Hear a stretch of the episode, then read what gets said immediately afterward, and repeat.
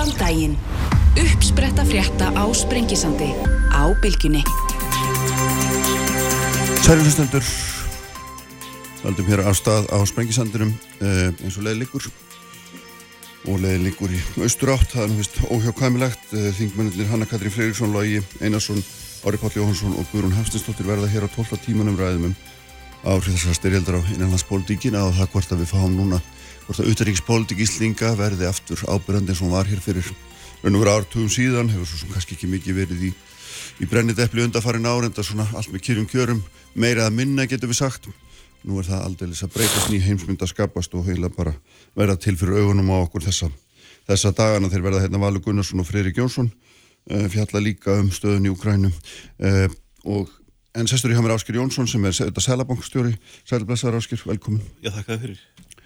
Uh, þarna svona þegar sko, heimshagkerfi er að skrýja lappirna eftir COVID og, og, og hérna, þá, þá gerist þetta, það skellur á styrjöld og við þekkjum það hérna heima, við höfum svona verið aðeins að glíma við, við svona öllítin óróa, verbulgu, hækandi vexti, hækandi húsnæðisverð og, og, svona tíðindi af erlendum mörkuðum sem að fálu í sér að verð myndi hækka enn frekar.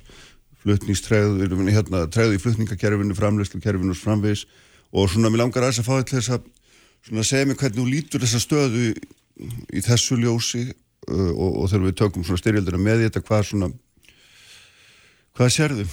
Hvað er að fara að gerast?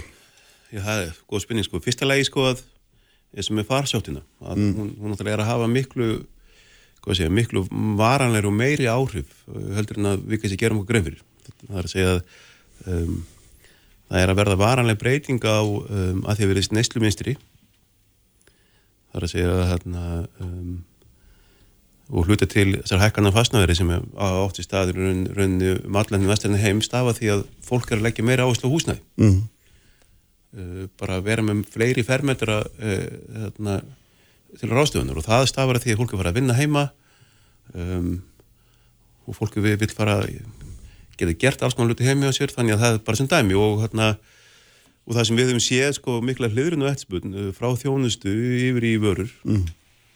um, pallaefni og alls konar og svona, þannig að, þannig að það, það er að hafa ansið mikið lári og hérna, um, sem við sjáum og, og líka það að um, um, að fyrir svona löndi sem Þískaland sem að hérna, er framlýslu hakjöri að miklu leiti, innar hakjöri að þeir að, það, það er bara að fara að hitna verulega, það er mikið eftirspunni eftir þýskum örum Já. sem dæmi. Já.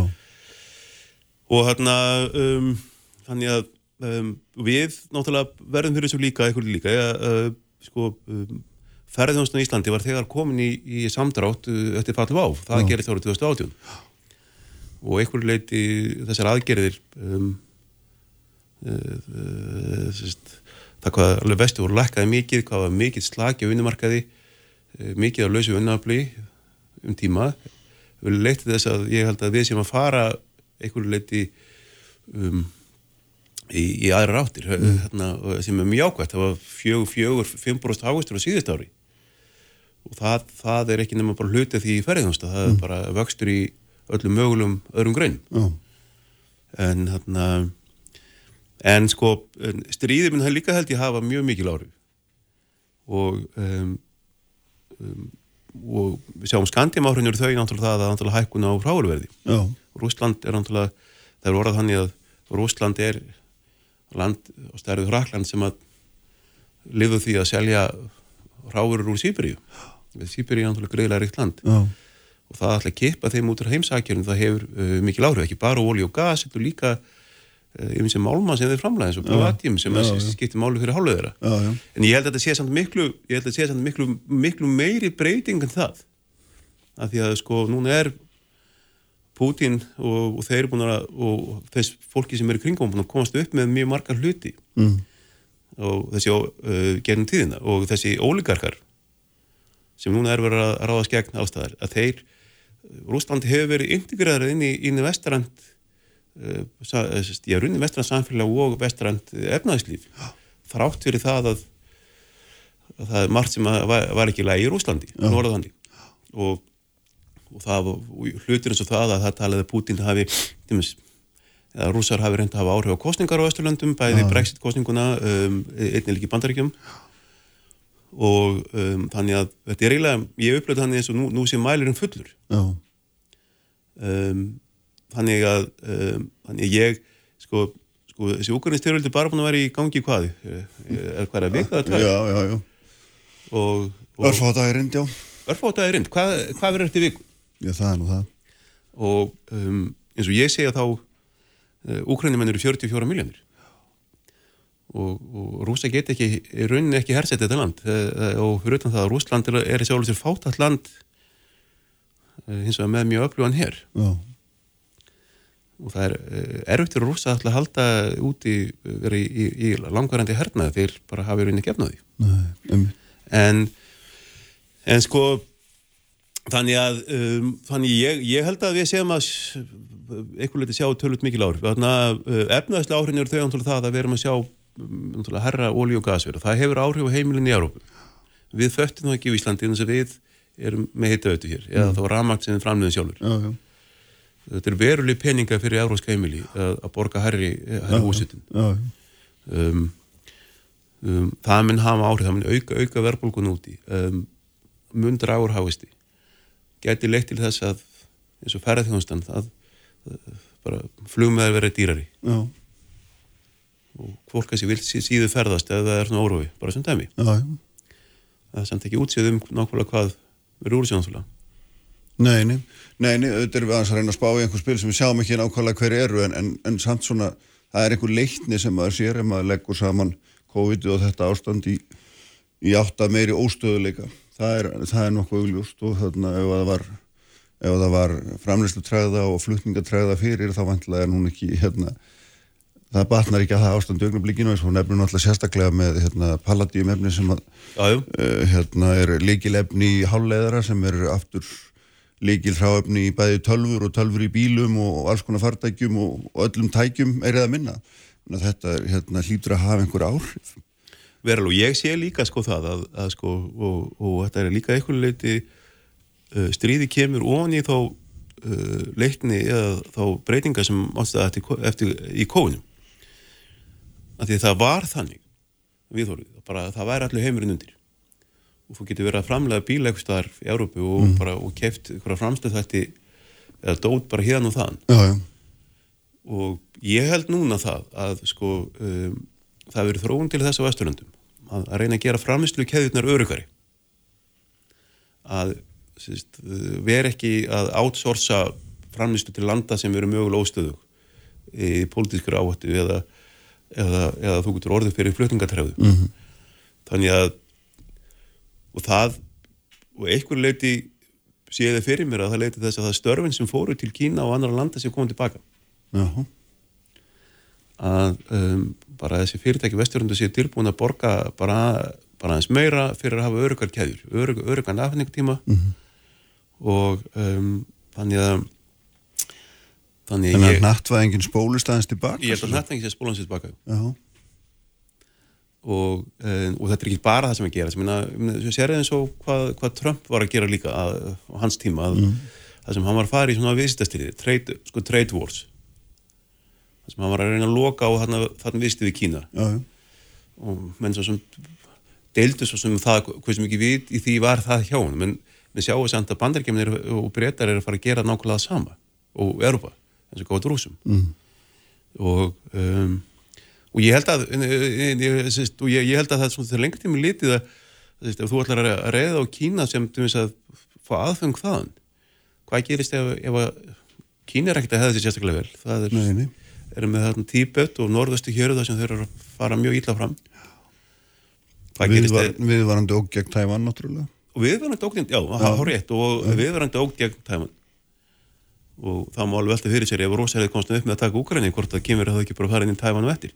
Nei, en ég er bara að segja það að, Já, já. að ég, ég held að margir sem er að framlega á Vesturlundu þá hugsið hvað getur við verið að setja allt okkar á, á, á aðfengu Kína? Nei, þessi, Já, og þannig að ég held að séum að fara inn í tíma uh, ykkur leiti uh, sko það sem hefur haldið nýri verðbólgu uh, ekki bara síðustu 10 árun ekki síðustu 10 árun, síðustu 20-30 árun á Östurlundum var það að hafa tekið inn Östur-Európu inn í, í Európska efnaðsjöðið bara fullt af júrunni af fátakum löndum, mm. lánunarlöndum hafa tekið inn Kína. Það hefur verið, verið meirta þáttur í því að okkur laun, laun fyrir ófælart fólk á Vesturlundum hefur að lækka. Og við sjáum það bara löndum eins og í, í Amríku og í Bandaríkjanum og líka, líka bara í, í, í þessum hana, norður hérðum Englands sem hvernig gegn Brexit. Mm. og ég minna uh, þannig að þetta gæti einhverju til vera, vera snúist tilbaka og við, við, við, við gætum verið að sjá miklu öðna, meiri hafastakvata á Östurlöndum og, og meiri verðbólgu. Og, og það var saman velta fyrir þessu eins og fyrir okkur hér. Að, minna, um, að því að núna erum við opið hagkerfi og, og sjáðu verðbólgi bandarækinn með 7% verið alltaf bara að fara að aukast. Verðbólga í Þískalandi bara 6% mm -hmm og þannig að auðvitað þurfum við að velta fyrir okkur hvaða, hvað við getum gert. Já. á hvað verðbúkist í við getum verið hér. Já. sko það er eitt að ráurhækki þau hefum séð það ótt á þér, ólíverhækki og, og síðan kemur hann niður þegar eitthvað sjátt ég aðra bara ákveða framlega meira og, já, eða eitthvað og, en það er hann doldið annað þegar við erum að sjá sko, verðhækkanir á um, yðnavörum, fullinum vöru sem við erum að flytja frá Þísklandi eða Bandaríðan það er doldið annað sko. Haldu aðeins áfram með þetta, Hva, hvað er við rannlega dverrbólgustíði, hvað, hvað er serði í þessu?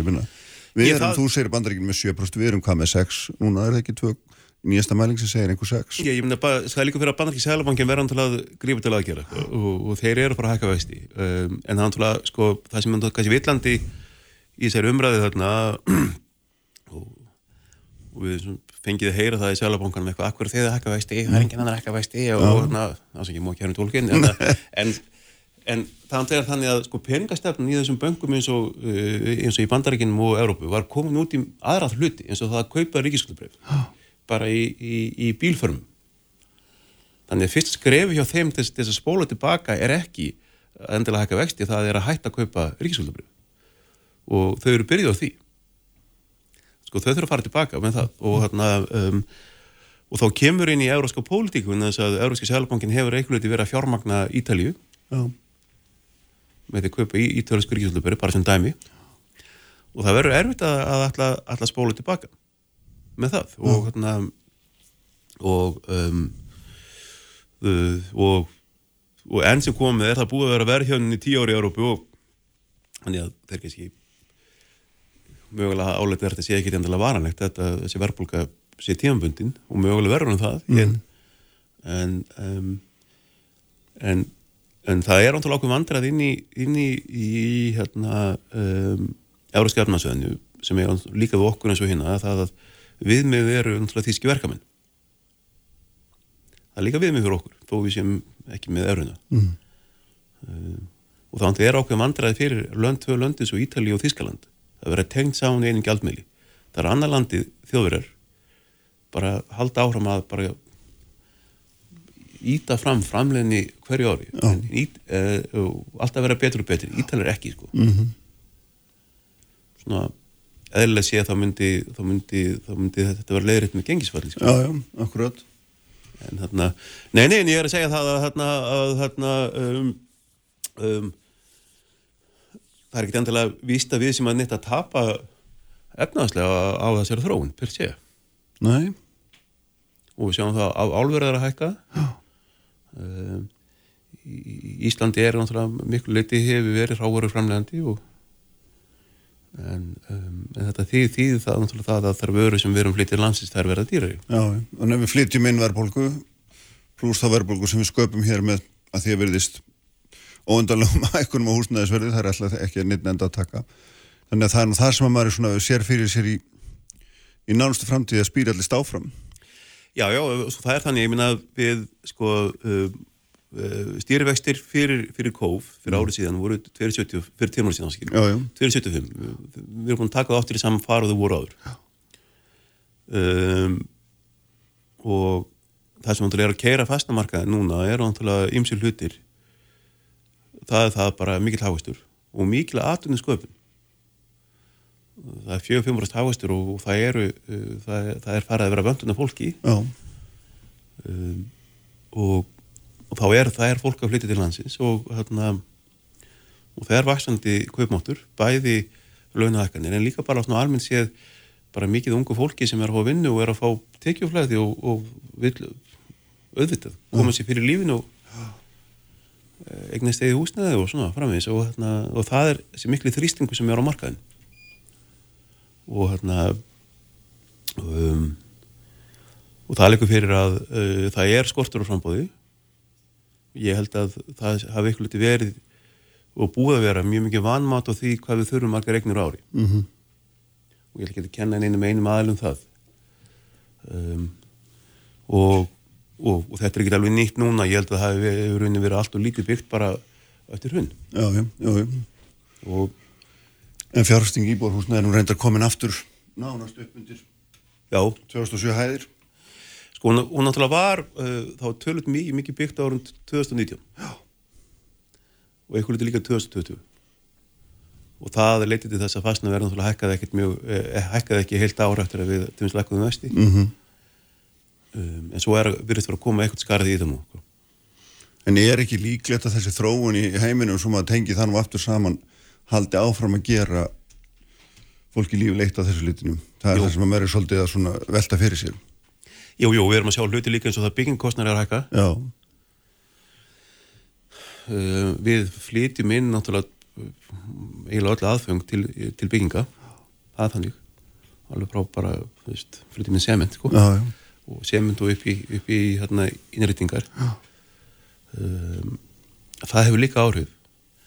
Og hérna, jú, jú, það, það er það. Við erum að fara að sjá um, um, sjá það. Að, um, þannig að hérna, ég held að sko þessi, áhrifin á Vesturlund af því sem er að fara að gerast varandi þessi viðstæðingarnir og annað fleira uh, munilega til þess að, að þetta verður til þess að hvetja áfram um, atvinnulífi í þessum löndum til skemmir tíma allavega. Það, eins og ég sagði á hann að, að fyrirtæki muni auknum mæli reyna að fjárfesta í, í taka til sín stærri hluta af aðfangakeðni já, eða færa hennar nær sér. Já.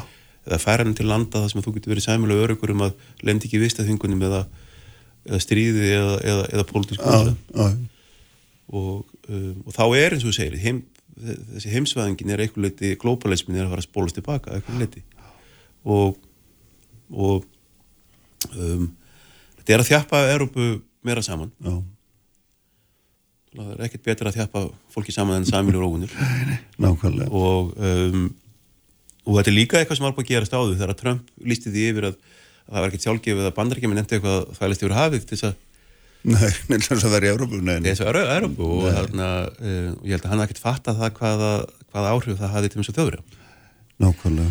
og það var sagt með bandarísku hermenn í Európu og þeir eru hefði þarna, að halda rúsum úti og þjóðverum niðri.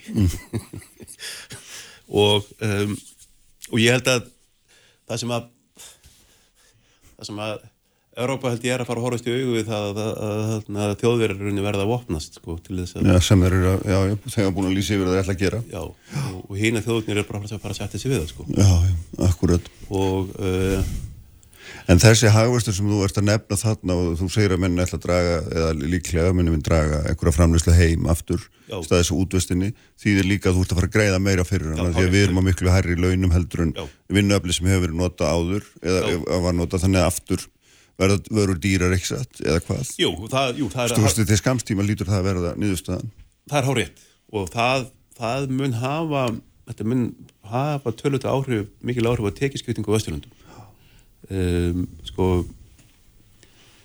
það var þannig að það var þessi þróun þannig að milli stéttin á Vesturlundum uh, hún var að hagnast verulega á það sem hann er globalisma uh, því að þessar tækniunga sem að, sem að voru að koma til okkar sem eru svona við vinnir frá mann tölvu og eru svona skrifstofublækur Mm.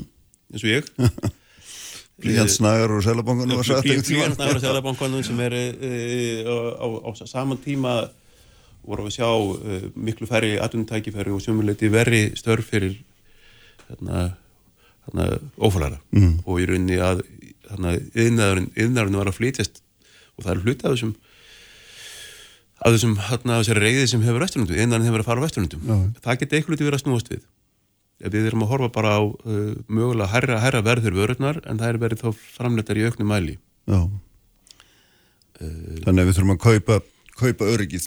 Einhverju verði. Já, þær kosta, öryggi kostar. Og það og hérna um, hérna, það mun gera það sko, ég minna þetta er náttúrulega hugsaðar sko það eins og að taka inn, inn alla austur-Európu eins og, eins og ESB gerði á erfarsamtið á tilfæla skamum tíma. Já. um, að veit ekki hvað það voru margir, 80-100 miljonar ekki? 50, bara, bara, bara Pólandi er bara 40 miljonar Já, já, já, þetta er gríðalegu fjöldi. Uh, og þetta er svolítið dögulegt fólk en, en, en fátak lönd sko og, og, og lág lönd þegar þetta byrjaði. Já, og, og, og ég held að það hefur verið einn helsti þátturinn í því að verðbólka hefur uh, verið mjög lág á Östurlundum núna í tölvöran tíma.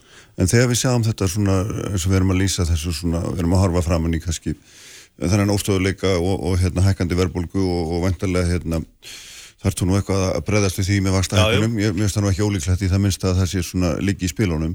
En hvað, hvað er rétt að gera til þess að halda ástandi hér eitthvað með innan skaplara marka? Ég minna ríkið verður náttúrulega verið að þennja sér mjög mikið út yfir eitt mjög miklu á ríkið að fara að draga saman seglinn aftur. Uh, er, það, er komið rétt tími til þess? Er hérna um, Já sko það er sko, uh, sko þarf að hækka skatta til að minka rík, eh, hallan á ríkisöðu og svo Ef við, tölum um Íslanda þá er það þannig að, að sko um, um, náttúrulega margt sem gerðist í faraldurinn hér eins og það að við náðum að byggja upp uh, nýtt húsnæðslánkerfi með, með breytilum vöxtum. Um, og það gerist einhver leiti bara með því að við sjálfum ekki lækkaði vexti mjög skart og í rauninu lokaði uh, á, á það að bankarnir geti farið með lausafinn í Sælabankan það var þannig þeir gátti farið með peningin í Sælabankan og þráttu þetta að bunda vexti og fengi bara hans á vexti. Já, já, það voru hundruði miljardar inn í okkur sem við, við lokuðum á. Já. Þú þvingaðir það út á lánamarkaðin með því. Þvingað út á landamarka sem margir segja að síðan hafi hérna, þeir hafi steift út á húsnæðismarkaðin og þannig hafi verið keist upp, ekki satt? Jú, jú, það er rétt og það er, er, er þáttur í því. Eh, en, en ég er að vonast þess að, ég er að vonast þess að þessi kerfi sem getur verið vanalegt.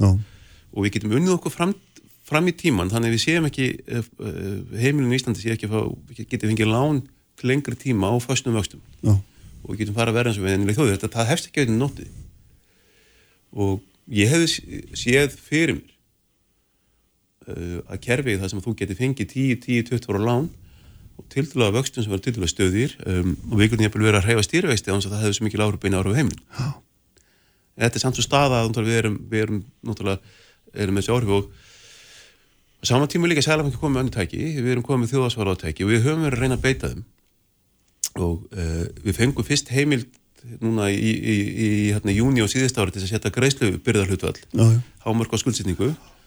Líka, líka þá uh, hérna, skuldsetningarhlutvall og við, við beittum þessum tækjum strax og við fengum því hendunar það bara tekur tíma þetta er náttúrulega tölvöld mikil yngreip í sanningsfræðilsi á markaði a, a, a, og, og það þurfti að byrta þetta í hérna, hérna, lögbreytingablaðinu og gefa andmælar rétt, eh, ekki andmælar, ég veit ekki, lögfræðingurinn, Mm. gefa böngunum tækjur þess að breyðast við og þannig að þetta tók, þetta tók gildi í desember. Og þá var eitthvað í pípunum veiknum og, og við erum að vonast þess að þetta sé núna að fara að virka við, við séum að hefja, en þú voru hafsamt í huga eh, sko, húsnaði er ekki vennilega bara og þú veit komið með, með ung, ungt fólk, ungt par sem að vill fara eh, koma með barn og vill fara að koma sér fyrir. Og þú þrengir að því þá kannski, þú veist, fækkaðu fermyndurinn þau kaupa samt, Já. svo það er engin annar kostu fyrir þau. Þannig að ég er mjög vel mjög, verðin per fermetran hækkar ég, ég verður bara fermyndur að hækka og þú bara þrengir að þeim. Og, og, og þannig að þetta, þetta er ekkit gaman að, að standa í þessu en, en um, hitt, og það er um tæki sem við getum gert. Líka það sem skipt bara öllu miklu máli að því við erum nú, er nú Ísland er ekki stórt land. Við náum einhvern veginn að vinna saman. Rí, Ríkisjóður, uh, vinnumarkaðurinn og Sælabankin við náum einhvern veginn að vinna saman og náum og hérna, náum einhverju samilum markmiðum. Mm.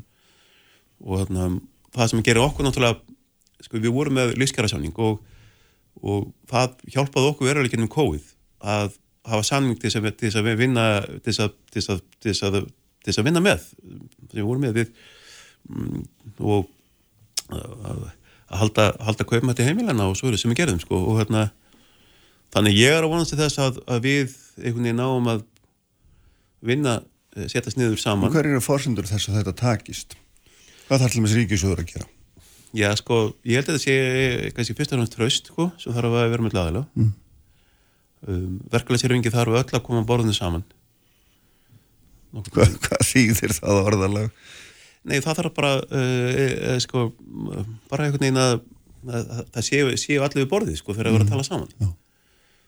Uh, það virkar, virkar ekkit öru sig kvöldinu þannig og, um, og líka það að um, að, um, að, að við setjum þá einhver markmið uh, bara allar þess að þætti sem skipta heimilumál um vexti, mm. húsnæðisvexti um, um kaupmáttin í landinu það sem við getum fengið fram um, og yfir eitthvað tíma.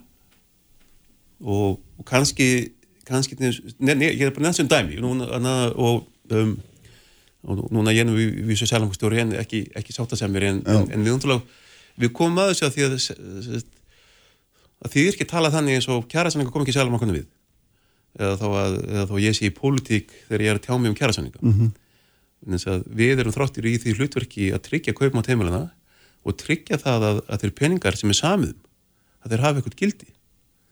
Það er að við getum fara aftur í tíman og samið um hvað sem er og, það, og, og bara fólk fóðu fleiri sæla en það hafa ekki verið eh, eh, þannig en það sem að bara skiptir máli þú, þú hugsaður ef við gerum þryggjára samninga og um, sem dæmi, bara hvenar á kaupandarinn koma, kannski er erfitt að ná frá kaupmætti í miði úkræníustýriði þegar, þegar ólífur er að hækka og bara allar háfurur og þá kannski getur ekki búist því að þú getur náð frá kaupmætti en kannski er það hægt síðar á samningatímunum ef þetta kemst í jafnbægi og lífur lækkar og, og við getum náðu ykkur um eðlu viðmið og, og ég held sér líka mjög, mjög mikilvægt líka það að fókusera á hluti eins og þarna, þarna húsnaðaskotnað reyna að vinna áfram með þetta nabbasta kerfi sem við höfum verið með ég nefndi bara sem dæmi. Mm -hmm. og, og þarna við öndurlega stöndum fram verið því að við öndurlega getum ekki vastaknum í Íslandi er ekki að hafa áhrif og olíuverð sko.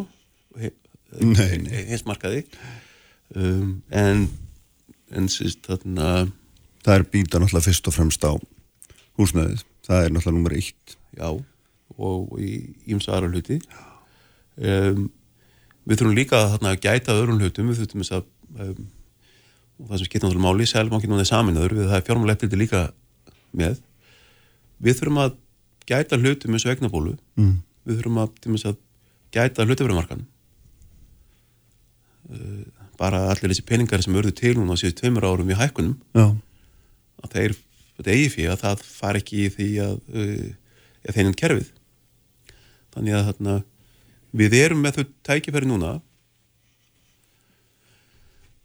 Sjálfhóngin er í annari stöðu mm. en það var hinn ekki alveg að vera bara með stýrivist öktan við erum með öðrum tæki, við getum við, uh, uh, sko við við við viljum sjá þetta í heldar samhengi hangkerfið, mm. fjármálakerfið og, um, og við bara þurfum og við erum að fara í þetta hlutverk að reyna að halda aftur að þessu.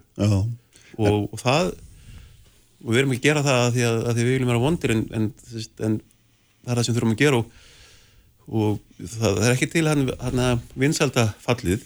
Það var engin hann að, hvað sé að sjálfmangstjóru í Íslandi verið, verið vinsall sko. Sem er mjög óvinnselur endar já, já, myna, og, það, og það er ekki útsýðum mig sko, myna, það er ekki en, en, en það er sem við þurfum að gera er að sko, reyna að horfa át í heilt að samingi og, og það þýðir ég, ég er alveg sammála því sem verkefliðseringi segir. Já. að það þýðir ekki segja sko, hvað sé sko launafólki að það er, að hafa hægt um sig að við erum einhvern fjármálamarka sem sem að reyðst áfram og, og er ekki í neinu samræmi við við, hvað að segja svona þarna ítalskan veruleika. Nei, nei, við sáum nú hérna skráð fyrirtæki Kaupöll samþykja á alfendu sínum hérna ríflegar sporslur til æstustjórnunda uh, já, Æsland er núna bara nýverið og ég sagði hérna einmitt nákvæmlega þetta samhengi sem þú vart að nefna að það passar það nú ekki vel inn í Ég get ekki tjáðum við eins og fyrirtæki Nei, en, en, nei, en ég er að tala um samhengi hlutana Nei, bara al, al, alveg séð er þetta þetta að, sko, við vi, vi, vi, við getum ekki hérna þannig að seti það og, og, og hérna Sælabankin alltaf leðilegur, segið við ríkisjóð ekki eða penningum, ekki eða penningum mm -hmm. og, og verkefælisfjölun ekki hefnt að launa hækkanir og það, það er bara alltaf það sem við þurfum að segja sko, já. en við getum ekki sérst, verið með þessi skilubóð og saman tíma láta einhvern fjármálamarka vera, vera bara í, í einhverju öðru geimi sko, það, það verkar ekki svolítið að það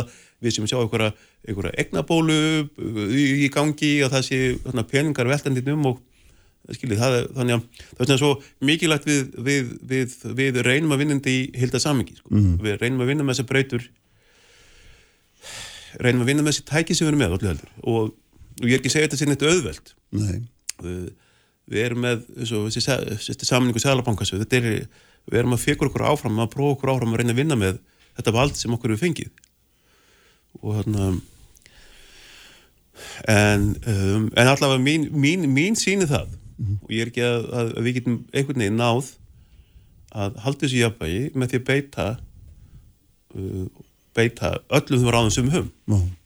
Þannig að við höldum aftur á verðbólgu og höldum aftur á vakstahækkunum og ríki halda sér höndunum, vinnumarkaðurinn stíun og sjálfan sig og fara ekki á gist.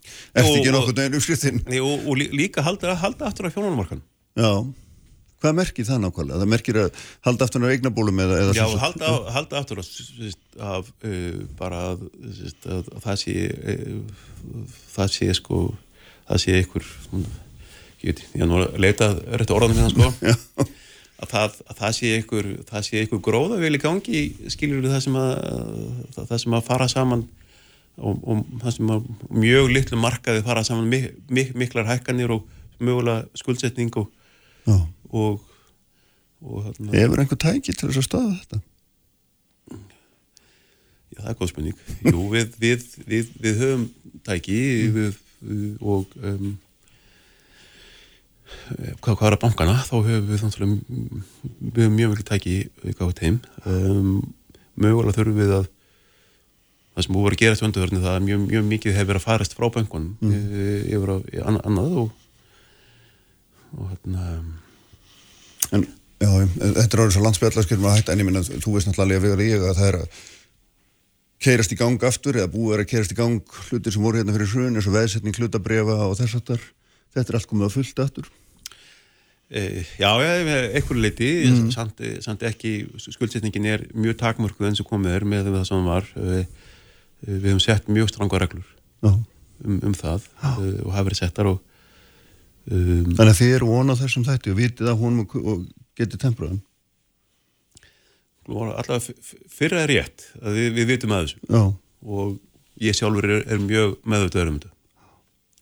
Bara með þá þarna reynslu sem ég, ég, ég hef og og hérna um, og og líka bara það sem ég vil leggja áherslu á er, er bara heildra samhengið í, í íslensku efnæðslífi og fjármálakerfi. Já, að um, svo við verðum að þarna sko hugsa um sko. Mm. og hérna að því að sko bara, það er bara mjög mikilvægt að hafa í huga að sko þó þessi, þessi að það er ekki það er verðbólki gangi, það er ekki samdráttur. Nei. Og ég sé ekki endilega fram á það að þó að, þó að, þó að hafastur voru vestni út úr og við vitum ekki hvað það fyrir að gerast. Mhm. en ég er ekki endilega vissi þeir þætti sem við tölum um í upphafi að þeir endilega hafi neikvæð áhrif á hafast eiginlega fremur jákvæð. Uh -huh. uh, sérstaklega á hérna vesturlundum og hvað það var þar Nákvæmlega. Það er allavega æri verkefni saman, það er nú alveg, Já, það er alveg ljóst. þú getur sagt það, já, já það er rétt Herri, takk fyrir að koma áskil verðum að hérna, láta spjalli loki Valur Gunnarsson, Friðrik Jónsson verða hérna hemmir eftir augnablik. Uppspretta frétta á Sprengisandi. Á bylgjunni. Sprengisandur. Á bylgjunni. Sælhlustundur, Áskil Jónsson, Sælabankastjóri, farin fram mér eftir ítalit yfir litum svona framynduna eða horfurnar í efnarsmálunum þegar sem eru auðvitað út á söður eins og maður getur sagt hérna mikið óvisa um, um hvernig þetta þróast allt saman. Uh, förum íslenska pólitík hérna eftir ellu uh, Hanna Katrín Lói Einarsson uh, Orri Páll Jóhansson og Guðrún Hafstinsdóttir verða hérna hjá mér. En sestur eru hérna Friðrik K. Jónsson. Friðrik Jónsson ég skilji þið há, þú ert ekki há Nei, nei, ég er ekki á, ég er einhver búin að velta þessu mikið fyrir mér, hver, hver, hver þessi maður er. Hver þessi maður er, Friðrik Jónsson Nú er formað BHM og líka sérfræðingur öryggismálum úr auðvitaðningsránundinu í áratugi Valur Gunnarsson reytuhundur uh, skrifa mikið um þessi svæði Úgrænur, Rúsland og, og dvalið það langt orðum búið. Uh, langaði aðeins til að fá ykkur til þess að reyna aðeins að sjá mér hvað, segja mér hvað þið sjáuð í spilunum. Uh, það er lítið lát á þessari innrásun verður bara í harkalegri með hverjum deginum og, og maður sé nú svona þessi eiginlega spurningur auðvitað hvar hversu langt ætlar þessi her sér að fara. Hverju er menn tilbúinir að kosta til þess að verja borgara ef einhverju er staðan bara svo og þeim verður fórnast og þannig vonum að rúsa fari ekki lengra en að inn í Ukrænu, ég veit ekki hérna, ég veit að þetta eru stóra spurningur og allir heimurinn að velta þessu fyrir sér, hvað hva, hérna hvað sjáu þið? Ef við miðum bara við það sem Putin segir Já. þá hérna uh, grefst hann þess að, Ukrænumenn samþyggi yfir að hans yfir Krímskaga og Donetsk og Luhansk. uh, sem hann svo sem réð meiri sér áður en stríði byrjaði. Og, og að Ukræna lofa að ganga ekki NATO. Þessu getur Ukrænumenn gengið að en uh, mögulega. En hitt sem að Putin grefst er að, að Ukraina af nazifyrist sem að uh, engin veit hvað merkir en sem verið stíða bara algjör stjórnarskipti. Skipta um fórstráður, skipta um alla í gerðinu og koma á mönnum sem eru rúsum þóknarleir mm. og síðan á Ukraina afvopnist einliða þetta tventnata leiði til endurloka Ukraínu, ukrainska ríkisnis þannig að ef Putin ætlar að halda í þessar ídrustu kröfur uh, sem engin Ukraínum aða getur samþygt þá er ekki annað að sjá heldur en bara að þetta haldi áfram svo lengi sem að, að Putin er við völd Já, já Metur þetta söpað fyrir ykkur? Í því miður þá er, er lítið sem gefur manni tilefni til bjassinni sko. og hérna við höfum núna lengi í raun og veru síðustu 20 ár uh, hvað var það Putin uh, alltaf litur hann, nei, hann fer, gengur nú alltaf svona langt. Mm. en hann gengur alltaf svona langt og síðan lengra. Þannig að byggt á sögunni og eins og Valur segir, byggt á því sem hann segir þá getur við í raun og verið ekkert gengið út frá neinu öðru heldur en hann meini það sem hann er að segja. Og hann muni ganga eins langt og hann getur þar til að hann verði stöðaður og uh, ef að ekki býtur á hann um, þær uh, efnaðstingarnir til dæmis sem, sem að setja ræður í gang ef að það leiðir ekki til þess að þau í kringum hann uh, gerir eitthvað. Að þá er mjög auðvelt að sjá hvað þetta endar með því að, að, að það verði uh, svona, hérna, já, það verði konfrontasjón á milli, milli austus og vestur með, með beitni hætti heldur norðið hefur. Uh, því við sjáum líka í látbræði og orðbræði það er búið að opna hann er búin að opna á notkun kjarnáðurna hann er búin að opna það að það þurfa að opna, að opna land, landlið til sjávar við Eistarasaltið fyrir Belarus og Belarus er náttúrulega orðið ekkit annað heldur en reynd lepriki. Sjálfstæði Be Belarus sem nú alltaf svona kannski vafa undir orpið þá er það orðið augljóst að það það er lítið sem ekkit lengur. Ef að, ef að þessir uh, kumponar Lukashenko og Putin eru færðin að tala fjálkláðum það að opna, opna, opna hérna, landlið til sjávar uh, fyrir Belarus, þá fer það ekkert öðruvísi heldur en styrsta leiðin er náttúrulega uh, gegnum uh, Súvalki og landamærum Pólans og Litáin til Kaliningrad. Og hvað þýðir það? Það þýðir hernar átök við, við Naturíki Svo er Moldova greinilega í, í siktinu líka fyrir utan miðasvíu líðveldina að einhverju marki sem það hafa alltaf verið en þau eru ekki, þau eru allavega er ekki að ergjan með því að vilja sækjum aðelda ESB að NATO síðan verðum við að horfa á uh, vestur uh, eða á Balkanskagan uh, við sjáum mótmæli í Serbíu til stuðnings Putin þannig að það er verið að hræra upp þannig að við þurfum að horfa til Serbíu við þurfum að horfa til Bosníu. Nú við þurfum jáfnvel að horfa jáfnvel svo langt vestur sem og til Norður Írlands. Uh, og uh, þannig að það er eins og sé, það er í raun og veru fátt sem gefur tilefni til bjassinni nema það að maður verður svona að hanga í, í, í einhverja von. Já Sko, eitt er alltaf spurningum hversu langt Putin vil fara og eitt er spurningum hversu langt hann kemst. Já. af því að hérna hérna Rúsland er annarsflokks herrveldi og þriðarflokks ernarsveldi þar sé þangli fyrir tveim vökum síðan og að fór í rustflokk því miður fyrstaflokks stjarnarkveldi mm. þannig að sko hann er algjörlega núna fastur í Úkræðinu, hann er búin að og 11 dögum er hann búin að leggja inn þessi eina borg af 21 þetta hvorki hérna gengur nýja rekur umverulega og og ekki fyrir sig hvernig hann ætlar að geta lagt undir þessu úkrænum að líka á mörgum ára með því að leggja allar borgir í rúst. Þannig að ég held að sko nefnum að sé gæslanlega búin að missa viti sem við getum ekki útlokað það þannig að sé ekki að fara að ráðast í frekar í landvinninga hérna gagvart NATO sem að hérna er, er líka margfald öflöru að hernaða bandala heldur en Rúsland nokkur tíman hvað var þar eh, mannabla fjármunni og allt. Það með þessi sjöríki innan NATO eru hvert og eitt ríkara heldur en Rúsland mm. en uh, það er samt alveg rétt að sko þegar eitthvað svona fyrir að stað þá getur það haft svo mörg ófyrir sér áhrif sem að mm. hérna, tengist beint og óbeint. Eins og til dæmis með Serbíu sko, nú er allir að mótmála með Ukrænu Serbíu er að menna mótmála með Rússum. Og ástandi í, í Bosníu hefur verið mjög ótryggt mjög lengi, þeir eru með þrjá fósenda eitt fyrir bosníumenn, eitt fyrir króat, eitt fyrir serba sem get ekki unnið saman og er allt bara stopp. Og það er lengi búið að spá því að þau átök getur bróðið aftur og það getur bara verið eitt af þessum svona Já. Það spólist svona áfram eða spírallist áfram einhvern veginn. Já og, og líka þegar bara aðtiklin er annars staðar þá geta hlutir gerst þarna sem að þú veist að því það er enginn að fylgjast með og, og, og því náttúrulega er líka fólk bara fólk, þetta er líka bara einstaklingar sem að fara á, veist, á stað, serbi líka svo að þarna sé stríðamöld austurs og vesturs hafið sem að og nú sé komin tími til þess að losa undan Bosni eða þú veist eitthvað.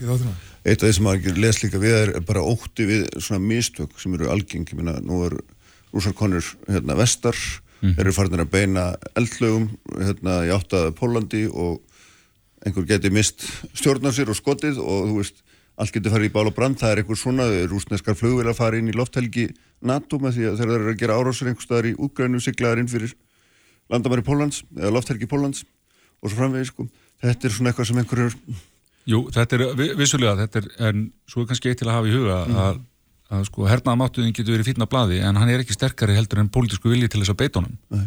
og málir það að pólitísku vilji til að beita þó öllum þeim hérna, hernaðamætti sem Rúsland hefur verist vera óskóraður uh, ef við horfum á sögu hernaðar íhlutuna uh, Rúslands uh, bara síðustu öll þá er, skulum við ekki horfa til þess að þó þetta gangi ítla á þessum fyrstu tíu dögum að því að þeir eru mjög ófyrirleitnir í, í sínum aðgjörðum þeir eru að beita vopnum sem að já, Vesturland bundi aldrei láta sér dett í huga beita í, í, í borgarlegu umhverfi og uh, þannig að þegar þú ert farin að nota eldsprengjur og, og þungavopn á borgir, á flótaleðir almennra borgara og þetta er bara nýlega dæmi um það að rússar beiti svona uh, taktík mm. uh, bara síðast í Sýrlandi Já. það er ávendan reyndar í, í Ukrænu, það er ávendan í Georgíu, í Tjetsníu þannig að í Berlín 1945 skilur þú bara ferð sögun aftur. Þessi, þessi, þetta er mullingsvél sem Svífsteinskis uh, er ekki,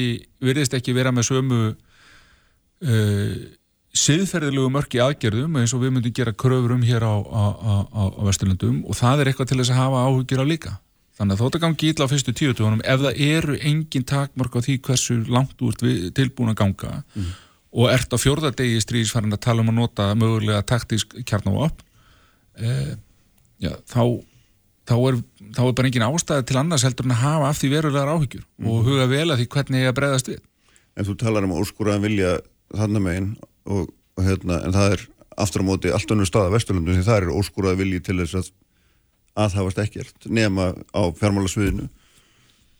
Allavega sem stendur.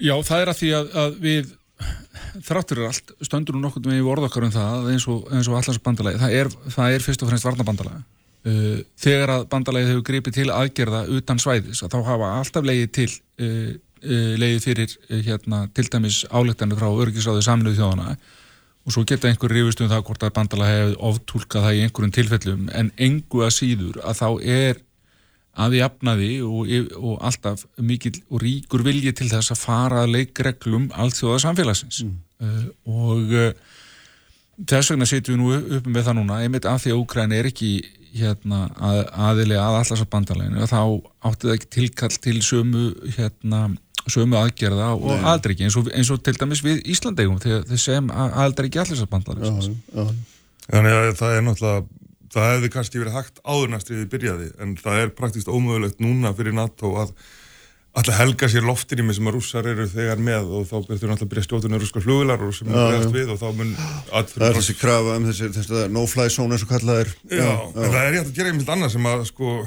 kalla ekki það, pólverjar er að senda MiG-29 flugular til Úkrænu sem að Úkrænu er kunn á mm. sem, sem bara þar hafa. Og síðan eru stingerflögar eins og þær sem að hérna bandarækjumenn sendur til Afganistan og sem að gera það verkum að, að rúsa gátt ekki flóið yfir Afganistan og misti tök á landinu. Þannig að það er, það er einn sem hættir að gera er bara að senda ógrunnumunum græður til að gera þetta sjálfur um, fyrir það að rúsniki flugurinn er að lítið að, að aðtanna sig kannski, eh, kannski óta við þetta. En það er uh, já, með að við sko já, bara með Putin sjálf hann alltaf beitt í mestar hóttaskapnum í Tjetsníu mm. 1909-2000 þar sem hann laði höfuborgina í rúst uh, svona það, það er auðveldara fyrir rúsa og bara rúsnesku þjóðin að gera slíkt því þeir hafa alltaf haft fordum, fordum að gegn tjastnjóðunum og og lengur svona átöka að þar á milli, það er miklu erfiðar að gagvart úkrænumönnum sem eru jú litlu bróðið rúsa, það er svona erfiðar að rétla þetta gengdals og terrorásur og borgir og, le- og leggja hvað hverja borgina í fætur öðrum á rúst, í rúst en það er samt eiginlega erfitt að sjá fyrir sér hvað það er samt að hvað- gerast. já, það er erfitt að sjá fyrir sér hver, hvað annað er alltaf að gera til þess að vinna stríði sko, en það sem hér vill, vill er að ráðast á annan hér og, og, og sigran en, en það sem maður vil ekki er að, er að ráðast á borgir og, og, hérna, en Úkrænum er alltaf berjast virðist vera um hver einustu borg.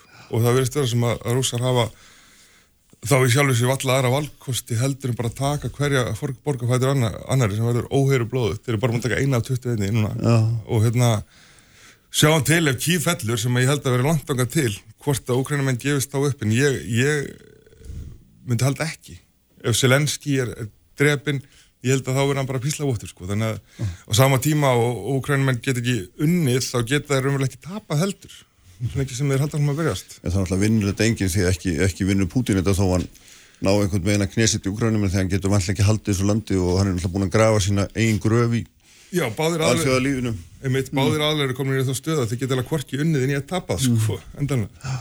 Jú, en það er samt merkild að horfa á samt, hvernig þetta verður að þróast. Við höfum náttúrulega verið að horfa á hvernig munum kínverið að bregðast við. Uh, nú er að byrjast í dag fréttur um að Sérbank, uh, rúsneski bankin sé að gera sangkomulega við kínverið um, um það að búa til nýtt kreditkort til þess að komast fram hjá hérna, vestrænum hérna, viðskiptaþingurum uh, sem skýtur svona svolítið gökku við það því að maður hafði nú helst sínst að, að kynverðar hefðu verið að rakka tilbaka í, Já, í, í já, svona stuðningi sínu við rúsa og hafa setið hjá í öllum áleitunum núna hjá samriðum hvað sem er í allsæraþinginu eða í öryggisráðinu.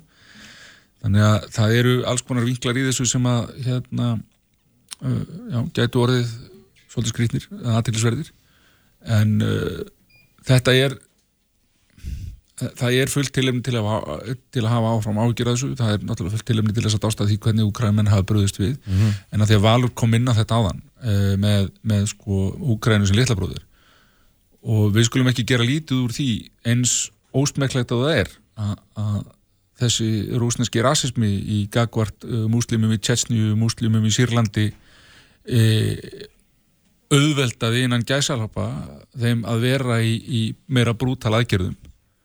Það er ekki eins og auðvelt gagvart eins og Valur saði litlu bræður sko, orthodox kristnum bræðurum þeirra sem og það er þessi uh, það er þessi lógik sem gengur ekki upp. Á sama tíma og Úkrænum en eru bara rússar aðsvagt Putin Já, já. þeir eru ekki, þeir eru ekki að vera til sem sjálfstætt viki þeir eru bara rússar en á sama tíma eru þetta uh, nasískir eiturlíðasalar og ómenni sem að eru, eru réttræpir og veist, þannig að þannig að, þannig að, þannig að Þannig að þetta gengur ekki alveg upp úr auksendafæslan. Það rekst, uh, þú veist, allt á hvert annars hot. Nei, mitt vel, vel aðtöða sko og, og, svo aðtöða sér sko rúsleika þjóðin stóð kvorki með stríðin í Afganistan nýja tjetsnýju tilengdar sem gekk með illa þannig að það er alveg ástæðu til að trúa því að sko að þjóðin eða mennina stjórnkjörðisins geti ekki hort upp á það enda löst að rússar séu að eidilegja hverja borga fætur öðru í Ukrænu sko. En vita þeir að því?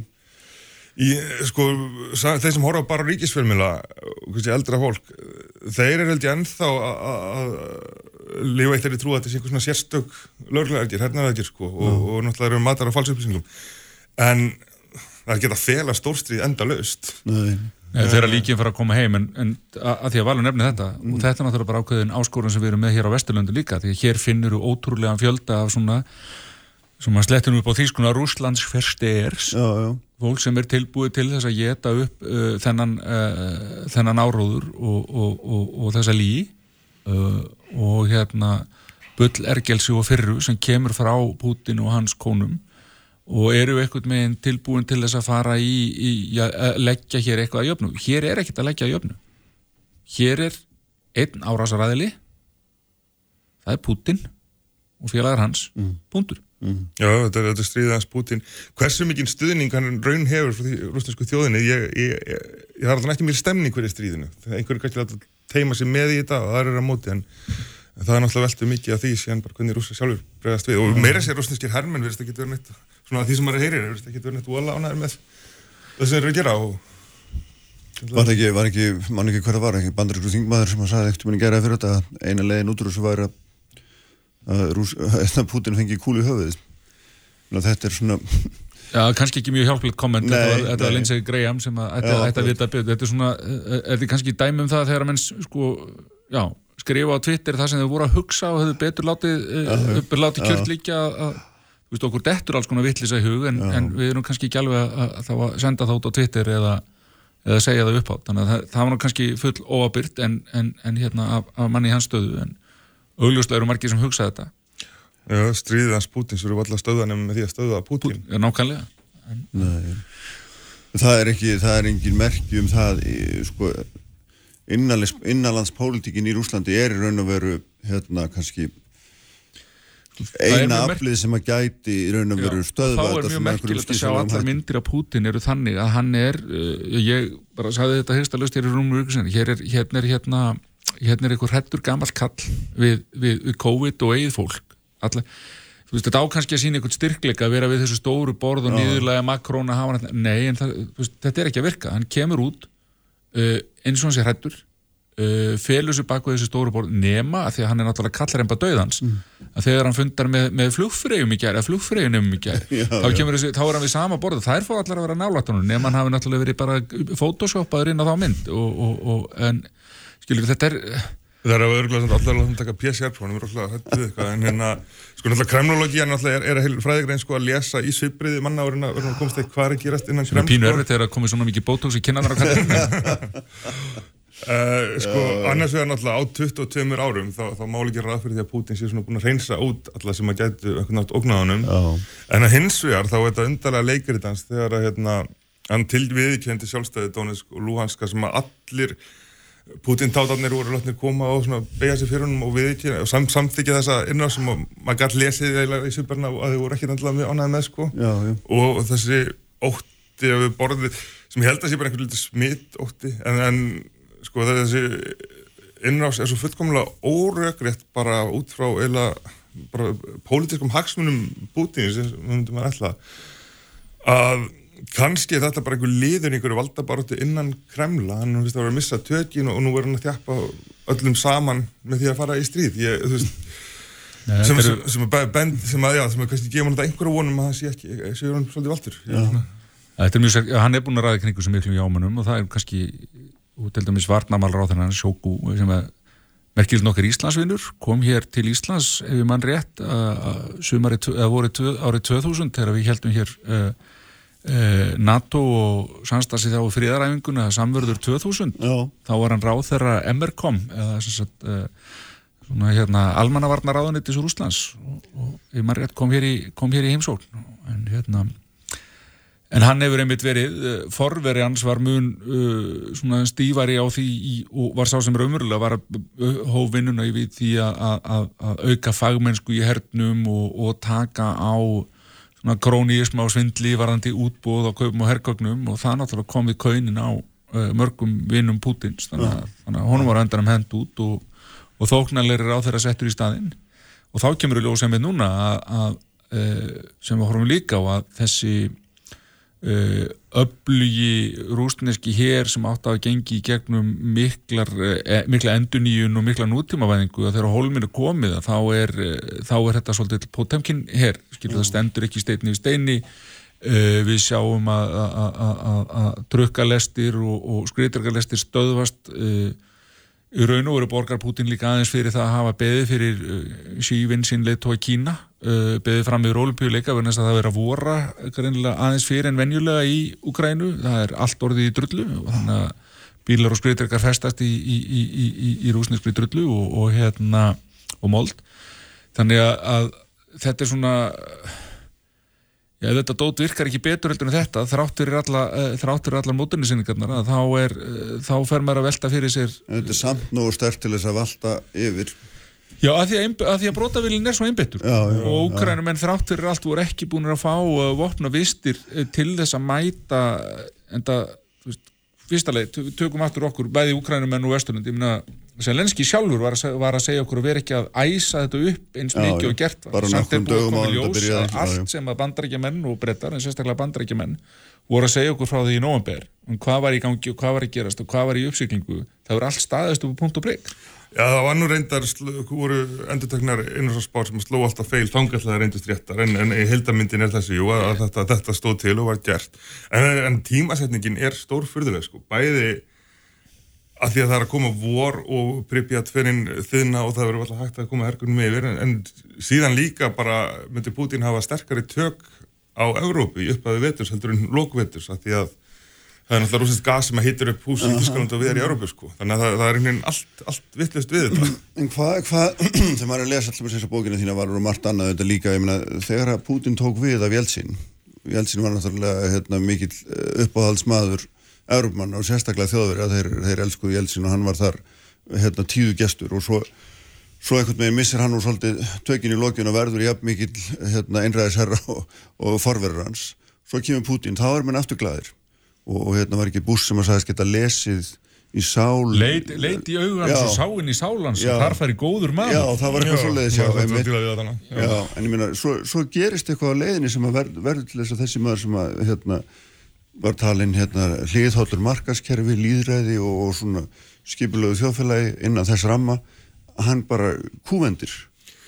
Já, en, en, en kúvendir ekki umlega, þetta er löng hérna, þróun. Já, eða þá hann var svona hryllilega vannmetin eða ofmetin, nei, eða, þú veist, Já, hvað er ekki að segja? rángmetin væri betra að segja. Sumir segja það, að hann hafi umlega, Putin alltaf verið Putin, sko, en, en þetta er tíma langa tíma, en að hann, ég held að, að margt hafi gerst á fyrsta tímabilið hans, hérna, frá 2000 2004, hérna, eitt var innarsin í Írak sem að fóð mjög í töðanarannum og hann sér að bandaríkin alltaf ekki fylgja að þjóðlum, akkurat ég gera það. Mm. Stækku NATO vissulega fór mjög mikið í töðanarannum og síðan, hérna, uh, appelsinu í Úkrænu, hann, hann, hann meðlaði svona almenningsbyltingar sko, óttast að geta gæst í Rúslandi og þannig sjáum við bara svona samskiptin versna þangar til 2008 þegar að Bush býður Úkrænu hérna, yngöngu í NATO og, og, og Putin gripið tækjum alltaf ráðast inn í Georgi og þarna eru við eiginlega strax komin í nýtt kallt stríð sko. En, en, en það er ekkert sem að ekki, en þetta er stríðans Putin, það var ekkert að semja við hann og það var ekki takt sko. Nei, erum við að sjá gerbreytta heimsmynd fyrir ykkur? Já, það held ég svo nokkuð ljóst. Hún er, hún kannski eða, eða kannski eru við helst hér á Vesturlöndum bara að einmitt að kveikja á perunni og fatta það að heimsmyndin var breytt. Veist að því að uh, ef þú fer til dæmis og talar við vinn okkar í Ístrasætríkjónum þeir, þeir þurfa að halda mjög verulega aftur að sér að gargi ekki á okkur, heyrðu við erum búin að vera að segja ykkur út í 20 ár. Já. og hérna en þú veist það hefur engin eitt upp úr því. Þannig að en staðan svo, heimsmyndin er breytt. Uh, þessi svo tökum við þetta kannski aðeins upp í 30. fettin svo staðreind að eitt af þeim ríkjum sem á að vera hortsteinn, í raun og veru hortsteinn og varðhundur alþjóðakerfisins sem að sem varanlegur uh, aðili að öryggisráði saminuð þjóðana með neitunumvald uh, fer gegn uh, virkni alþjóðakerfisins með ja, hrottafengnum hætti og nú er gert. Það er mjög alvarlegt. Það hefur áhrifin í saminuðu þjóðunar það hefur áhrifin í alþjóðabankan það hefur áhrif á alþjóðakerfið eins og að leggur sig það hefur áhrif á framfyllt alþjóðalaga og regluna almennt. Og fyrir lítið land eins og Ísland sem á allt sitt undir því að þjóðir stórar sem smáar virði leikreglur alþjóðakerfisins þá eru þetta afleitt tíðindi. Það er eina sem þetta er að segja til dæru örgla bara með, með balansin er að ef þetta er svona þrýveldi bandaríkin Rúsland og Kína þá er Rúsland til að búið fjarlæga sjálft sig af skákborðinu. Þannig að það getur alltaf haft einn ítök mikið annar starf því þeir bara er að berjast þannig að halda efnanum á lífi. Og, og þeir náttúrulega verða algjörlega upp á hérna kýmverjakomnir Já, sem er eina, eina alveg sem þeir eru eftir sko. Er hægt að hugsa sér það að þessar efnaðarstvinganir að setja snúðaðum á kolf og segja við Putin núna heyrðu, hérna, við skulum að hætta að frista eignir úrslega Sælabankan sagði og dreifur þau tilbaka. Er, ég meina, er hægt að beita þessum þvingunum í hinn áttinu þannig? það er náttúrulega sjálfur sér dillinu út í það Já, er farið já. þannig að þú veist, ef þú, ef þú lætur af þessari innrás, dregur þið tilbaka og, og hérna jáfnvel þarf ekki einu svona skammast þín mikið. Það er bara, þú veist, hættu þessu, draðu þið tilbaka. Farað aftur á status quo eins og var 23. februar Já. þá, þá myndi vantalega tölvöld mikið að þessu hérna fara, fara tilbaka. En þegar að menn eru komnir að staði svona vekkferð þá er náttúrulega mjög erfitt að snúa tilbaka. Þú, þú án þess að tapa andlitinu. Og við erum líka að tala um svona kalla-kalla. Það sem að, að halda andlitinu er skiptinu miklu máli. Og hérna þannig ég veit ekki. En, en þú veist, það er það verður alltaf leiði fyrir, sjálfur sér alltaf, er, er, er, er alltaf upp á borði það er mjög aðtilist að sjá hérna síðustu tvo daga hefur uh, fósitsar á þar Ísrael verið í ykkur skullu diplomasíu flóið til lítið frest að því hvað þar var ætt en var hjá, var á einhverjum þryggja tíma fundi með Putin í Moskú og flög síðan beint í Þýskalands með vitund og vilja kvítahúsins þannig að uh, hérna megin výlunar ef svo maður segja er, er, er virkur vilji til þess að reyna að komast að einhverjum löstnum, reyna, reyna að leysa þetta mál þannig að þetta fari ekki úr böndunum. En í lokdagsins þá sýtu við upp með það eins og valkomina hérna þannig að þú ert hérna með, já ég vil að minna heldur um miðlungshækkerfi uh, með, jú, stóran hér en með kjarnáap og hefur þar að, er þar að taka sér pláss í alltsjóða kerfinu langt umfram í raun og veru getu og stöðu en gerir það á grundvelli þessa að vera með stóran hér og sérstaklega vera með kjarnáap og vera í raun og veru hérna hafa tekið sér þá afstöðu að það eina leiðin til þess að tryggja sig sem uh, já, að, að, að Rúsland hafi hlutverk og, og á, á stóra sviðinu það er að vera alltaf til vandrað þú ert alltaf partur af vandamálunu til þess að þú verðir að vera hluti af lausninni. Mm -hmm. þannig að ef þú gerir það ekki þá nennir engin að tala við þig að því að þú hefur í sjálf og sér ekkert fram að færa En hérna raun og veru liggur lausnin fyrir að, Putin myndi fá formulega yfir við Krimska og Donetsk og Luhansk úr sem gangi NATO, þá getur gæti Putin líst yfir sigri og það ég fekk það sem ég vil og, og Úkrænum getur náttúrulega unni varna sigur eins og finnar í vetrastuðinu, tapa einhverjum löndum vissulega en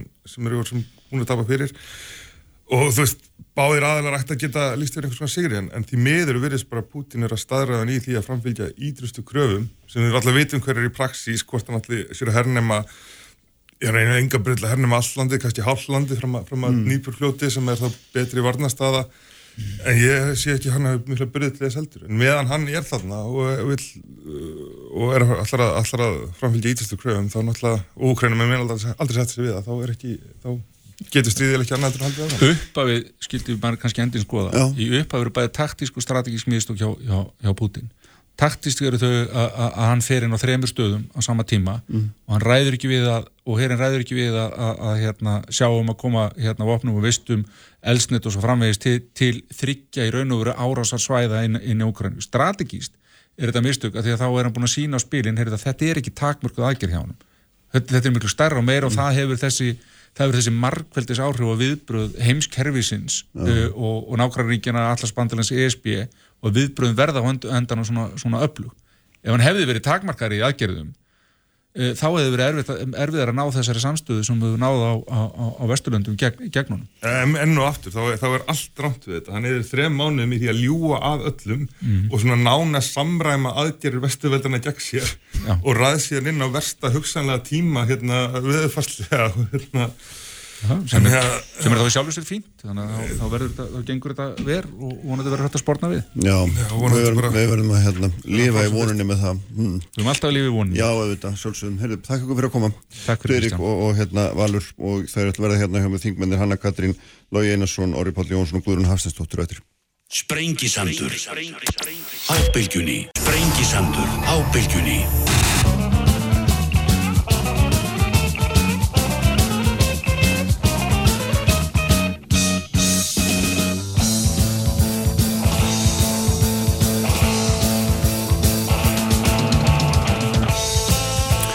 Sælir eftir hlustundur uh, Valur Gunnarsson og Freirik Jónsson. Partið frá mér eftir að varpa sínum skörpu augum að þessa stöðu uh, austur í Úgrænu og hérna og, og heimsbyðin alla er raun og veru. Við ætlum að þess að fara kannski hérna heim. Uh, það er auðvitað þannig að nú hérna nú eru, eru auðaringspólitík aftur komin í sviðsljósið við að kringum okkur hefur kannski ekki verið það undarfærin mörg ár og sér í nefnir ykkur dæmi í Damörku Þískalandi náttúrulega þau eru búin að skiptum stefnu, farin að senda vopn til Úgrænu, búin að bóða það að þeir ætla auka framlega til hernaðamála gríðarlega og þetta eru nú, sko, þetta er ríkistjórn græningja, jafnaðamanna og, og frjálslindra uh, fræði demokratinn, hvað maður kalla á íslensku, þetta er svona eitthvað svona viðreysn, eitthvað staðan ála þeim held ég, en ála því, þannig þetta, hérna, þannig þetta eru mjög mikil tímamót sem er að verða og, og svona heimurinn kannski að breytast bara fyrir framann augun á okkur eða eins og Fríðrik saði náðan kannski var hann lungu breyttur, við bara tókum ekki eftir því. En og hérna í orðið, mér langar að beina kannski fyrst í þín sko, maður sér náttúrulega á Norðlundunum eru sýsturflokkar ykkar og, og, og hérna vendarlega því líka að velta mjög fyrir sér afstöð til dæmis til NATO. Uh, hérna einingalistin í Danmörku það logar allt í, í hérna milli, hvað segir maður? Stafnar á milli, ætlaði ég segja þakka yfir lögi, hérna, logar stafnar á milli hérna, út af þessu hvort að hérna, menni að breytum stefnu. Hvernig, hvernig hvað heldur þú að muni gerast, muni þið til dæmis hérna, skoða það, eða hvað, hvað, svona, hvað sérðu? Já, þetta er, eh, við þarfum alveg rétt við fylgjum stöðuta með þeirri umræði sem á sér stað meðal sýstur flokka okkar á Norðurlöndunum en, en bara svo ég rifið það nú upp að þá eru þetta kjarnin í Vafge þetta eru fjórar stóðir og mm. eina af þeim er friðarvinkillin í því. Já, og kannski, ég er ekki að segja að þessi umræða er, er sannlega að, að mjög hávar á Norðurlöndunum og við fylgjumst með henni en stefnan okkar er svo að standa utan hernaðabandala að því að þú vinnur ekki stríð með stríði. Mm og ég saði nú bara í, í þingræðu núna í, í vikunni að sko þetta er 19. aldar hugmyndafræði sem við erum að horfa upp á núna 20. aldar orðræða með 21. aldar vopnum og það getur ekki verið á 21. aldinni að við hugsum einhvern veginn samfélags samskiptin á, á sko forsendum stríðsækstar það bara getur ekki verið en, en það breytir því ekki að þetta er staðan sem uppi er Já, og um, við þetta, þú við viljum standa utan hernaðabandalaga þá erum við aðilar núna og vorum á síðasta tímabili að ríkistjórn sem að uh, byggir sína vinnu út frá þjóðrörgistefnu og það er auðvitað ljóst, við erum eini flokkurinn á Íslandi sem við höfum talað þessu máli já, já. En, en við og þeir finnst ekki ástæðilega endur skoða þá stefnu í... að þessu konu máli? Já, já sko Þetta, ja, minnstu óstu huglega það? Ég er ekki, seg, ég er ekki, segja, ég er ekki að segja við, ég, svo ég svarar bara fyrir mig, Já. hugsi það ekki, en á móti kemur, að því að það er, ég er mjög sannfærður um það, að, að þú vinnur ekki stríð með stríði og þetta geti ekki verið upplegið í samskiptum, mm. við höfum nú lagt áherslu á, eh, Ísland lagt áherslu á góð og sterk samskipti við Európu og Norðurlöndin, eh, fáum heilmikið út úr því samstarfi, en um, núna þegar við horfum fram á fram á framtíðin í þessu að þá hefur þetta ekki endilega skila heldur árangri að standa í, í varnarbandali við höldum áfram að stríða mm -hmm. svo maður segi það og ég bara neyta að þessu konumáli að gefa upp draumsýnum um það að við náum friðsætli heimi mm -hmm. en, en ég er ekkert hættur að hugsa ekkert hættur að, að velta þessu við mig Nei, hvað segir þið Guðrún, hvernig meður þú stuðuna? Er þetta, kallar þetta á einhverju breytingar? þurfum við að skoða hlutum á nýtt við sjáum að hérna, það er mikla breytingar eins og því við erum sjáum líka finnar og svíjar er auðvitað farin í NATO mm. sem nefnum bara fátt eitt já, í þessu hérna úgræninu sjálfur hafa sóttum aðelda Europasambandinu og, og hérna og var hafa litið fleiri sem hugsa sér það á þessum slóðum sem er ekki þar inni nú þegar. Já, það sem er kannski sérstakt og vekur líka þessar sterku tilfinningar held ég hjá fólki út um allan henn vestrana heim er það að Við höldum að, við, að sagan kennir okkur eitthvað en við erum kannski að sjá það að, að sagan endur tekur sig og við verðist ekki læra mjög mikið af henni nákvæmlega eins og Orri segir hér að, við erum að fara í einhverja hugmyndafræði sem að ég held að mikið ungu fólki í dag held að tilherði sögubókunum. Mm -hmm. Við erum að sjá einhvern veginn upptakta bara nýju köldu stríði sem að, að allavega manneskjós ég mann mjög eftir, ég er alveg upp í kjarnorku vanni að hún sé allt um líkandi einhvern veginn og, og hættuleg eh, við sjáum eftir á móti núna sem er gjörbreytt staða að stuðningur við NATO er að aukast virðist vera allstaðar í álfinni og við sjáum það til dæmis eh, vel í Svíþjóð og Finnlandi þar sem að fólk sem hefur verið mjög á móti NATO uh, virðist vera að verða hlindar að því og, og ég held að til dæmis erum að finna séu að færast stöðut nær ingöngu í NATO frekar en hitt.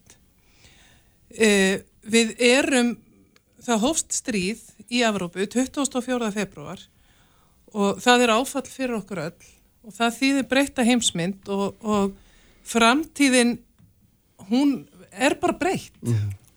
það er bara þannig uh -huh. og ég held að öll ríki hvort sem að þau tilera þessu varnabandalagi eða eru nálagti eða jafnvel minni ríki í Östur-Európu ég held að, að margir vakni núna upp við já, breyta heimsmynd og, og, og hugsi þá hvernig tilheyr ég henni? Já, nákvæmlega. Við höldum áhrif bara hann að kata Já, sko þetta er flókimál um, og Vafki er ekki einum það að vilja friði heiminum. Nei, nei, nei, Eh, ég- nei, nei byrju, ég er ekki að, þetta var ekki skot ég er bara ég er að byrja hérna. Eh, sko, og ég held að það sé líka þetta að færa rauk fyrir því að allarsafsbandalagi sem er varnabandala að, að, þessi staðar sé uppi vegna þess að þau hafi ekki gripið að snemma inn í.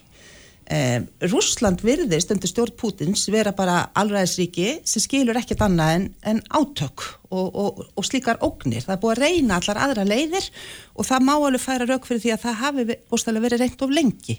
Og nú sé orðið bísna flókið fyrir NATO og Evropasambandi bandaríkinu önnur að stíginni án þess að já, kynnta þannig undir að það verði allserjar styrjöld. Og það er ægilegt en, en það má heldur ekki gleyma því að þetta er hernaður, þetta er alræðis hernaður gegn líðræðinu, gegn þeim stóðum sem við höfum frá lóku síðara heimstyrjöldar að minnstakosti verið að byggja hérna, okkar heimsmynd upp á.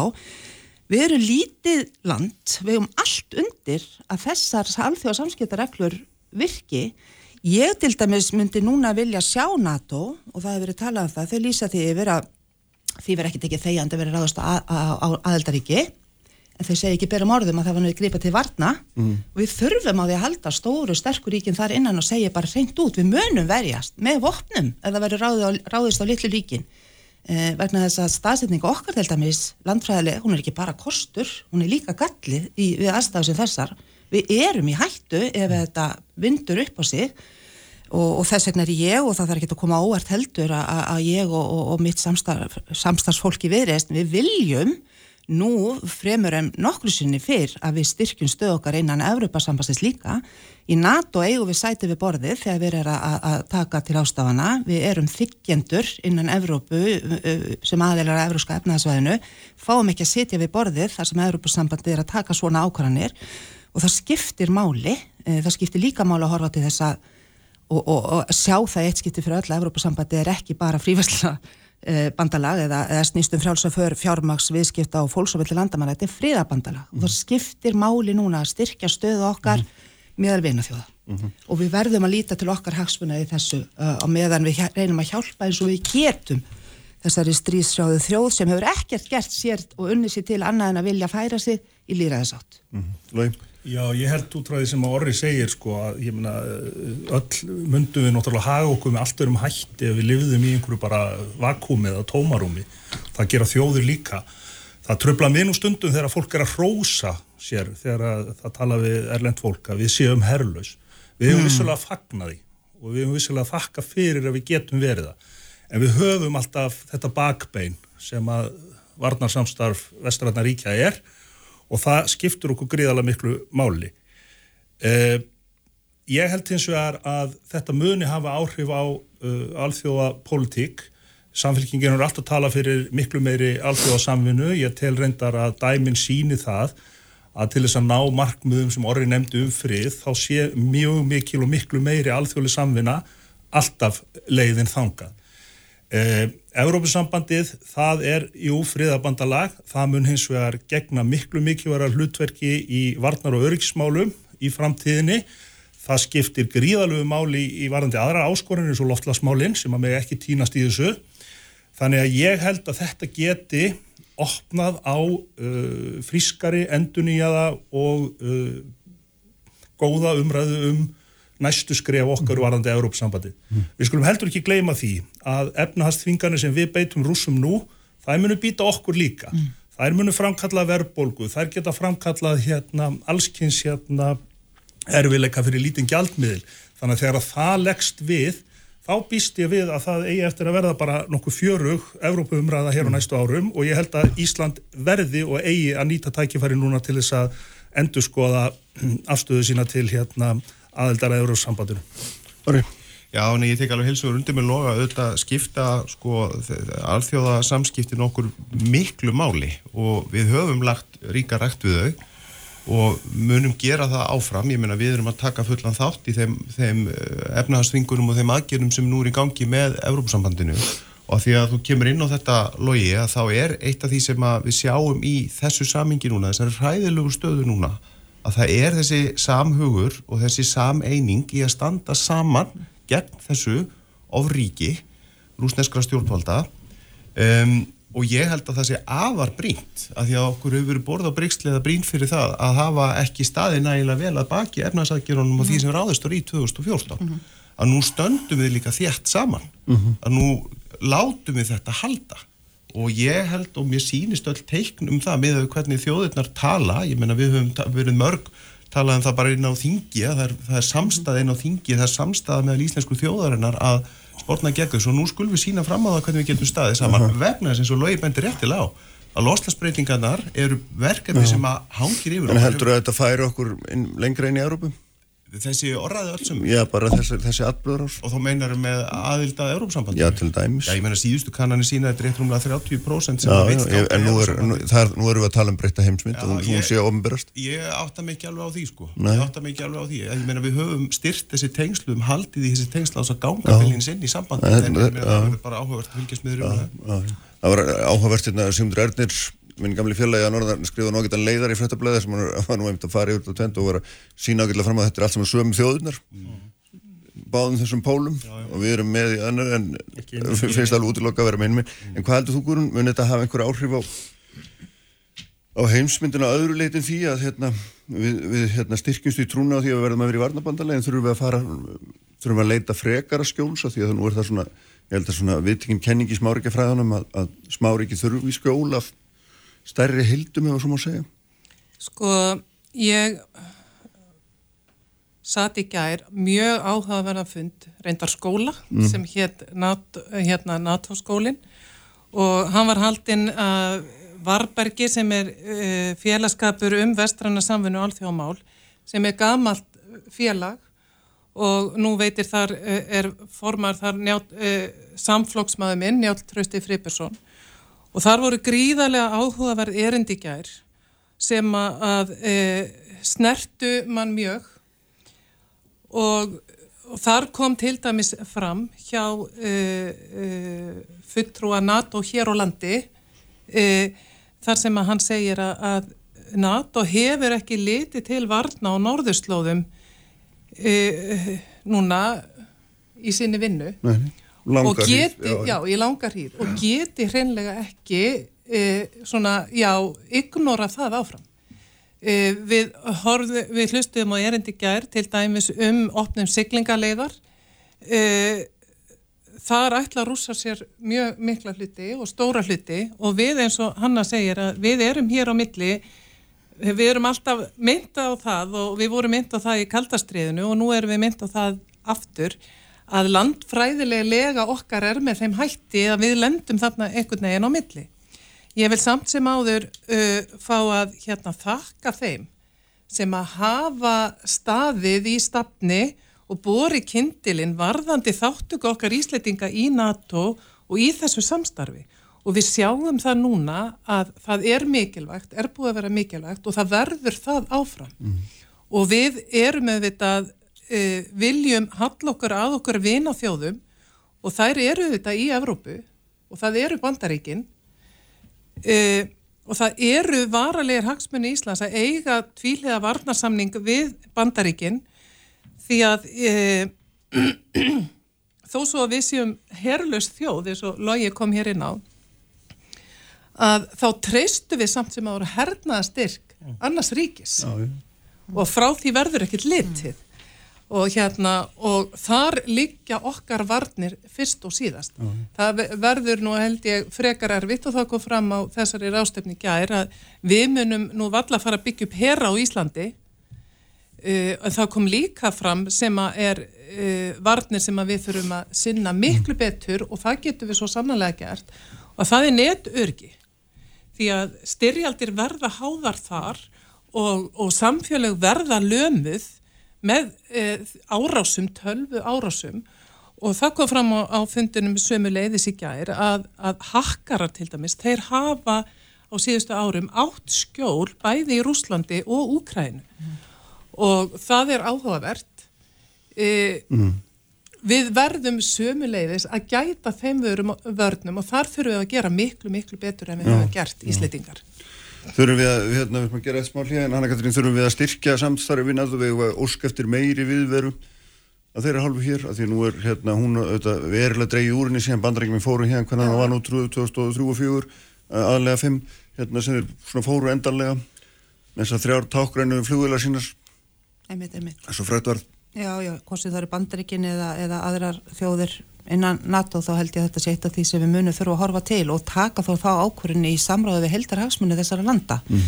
uh, það er að segja vissulega öryggishagsmunna okkar en, en líka þannig hvernig við byggjum upp þessi alþjóða held sem við viljum vera hluta og þurfum að vera hluta hvernig er hagsmunum okkar best bor, bor, borgið uh, til þess að, að viðhalda Uh, því, því líðræði og því mannréttundum, því frelsi sem við höfum vanist, þannig að þetta er náttúrulega verið að herja á það.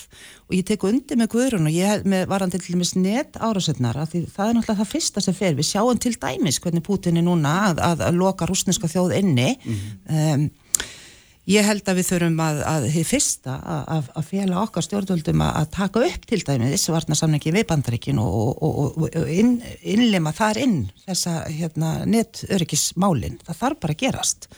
Um, verðan þess að við erum vægast sagt illa sett ef að, ef að, ef að einhverjir settu sér það að, að loka okkur þar. Já. en sko, bara aftur að þessu. Þetta horfi svona eh, Putin hefur sínt að hann, hann hyrðir ekkert um sjálfræði einstaka þjóða. Það þýðir að Evrópasambandi líkt á önnur alþjóðsambönd munir þurfa að leggja meira áherslu á öryggis og varnar mál í sinni vinnu. Við verðum að vera þar á meðal. Já, við þurfum að gera hérna össutlí að þú fara að byrja næstur eftirlega. Tökum nokkru ölsingar. Frettir þjóðmál og pólitík. Sprengisandur á bylgjunni. Sprengisandur. Alla sunnudaga á bylgjunni. Sæli aftur hlustundur þau eru hérna hjá mig Guðrún Hafstinsdóttir, Óri Páll Jónsson, Hanna Katrín Fredriksson og Lógi Einarsson. Við erum að fjalla um áhrif úkrænustrísins á já, hugsanlega stefnbreytingu eða, eða já, hugmyndir um, um breytingar á íslenskri auðaringspolítík, hvaða stöðu þetta setur ykkur í Lógi, þá var að koma þér að, að taka eins taka eins um þráðin Já, ég, meni, ég held að það sé augljóst að þetta mun hafa áhrif á okkur til lengri og skemmri tíma ég held að ríkistjórnin hljóti að einhvern veginn að taka um umræðu um þjóðururик stefnu og skoða hana í breytum heimi eh, varðandi hvort þetta hefur áhrif beint á uh, viðveru varnalis hér á landi. Það er ekki ólíklegt en þá tek ég undir það sem sagt var hér áðan að sko stæstu ógnir fyrir okkar ríki geta í rauninni stafað af svona óefnislugum hlutum eins og netárósum og bara minni á að framkvæmstjóri NATO Stoltenberg hann hefur ítrekkað sagt það að uh, meiri hátta netárás á eitt af aðeldar hérna, löndum NATO geti virkja þess að svo kvöldu 50 grein mm -hmm. sem þýðir að ef að ráðist er á eitt land þá er litið á það sem árás eru alla uh -huh. þannig að hérna, ég held að það sé alveg augljóst mál og, og ég held að við hljótu nú kannski sko frekar heldur en að fara að hlaða upp einhverjum hérna vígvélum svona fysiskum á, á landi þá hljóttum við að taka upp miklu nánara samstarf við bæðið að Europasambandi og NATO um netöryggi. Og við eigum auðvitað aðild að einhverju slíku. Uh, en að því að hér var verið að tala um Norðurlöndin sko og Finnland og Svíþjóð og NATO aðild sko það má ekki gleyma því að Finnar og Svíjar hafa sem sagt unnið í mjög góðu samstarfi við NATO um allt sitt skipula og jáfnvel betur heldur, betur heldur margar aðra þjóðir sem eru í bandalæðinu og öll þessi fjögur ríki í Skandinavi hafa líka átt í tvíhliða samskiptum við bandaríkin og fleiri en það breytir því ekki okkar eina útflutningsvara í auðaríksmálum mm. er jafnbretti, friður mannúð, loftlagsmál og þar hittist það bara svo ótrúlega vel á að þar eru Evrópusambandsríkin leikil leikandur í heiminum í dag mm. og við hljótum að taka upp nánara samstarfi við þau mm. Mm.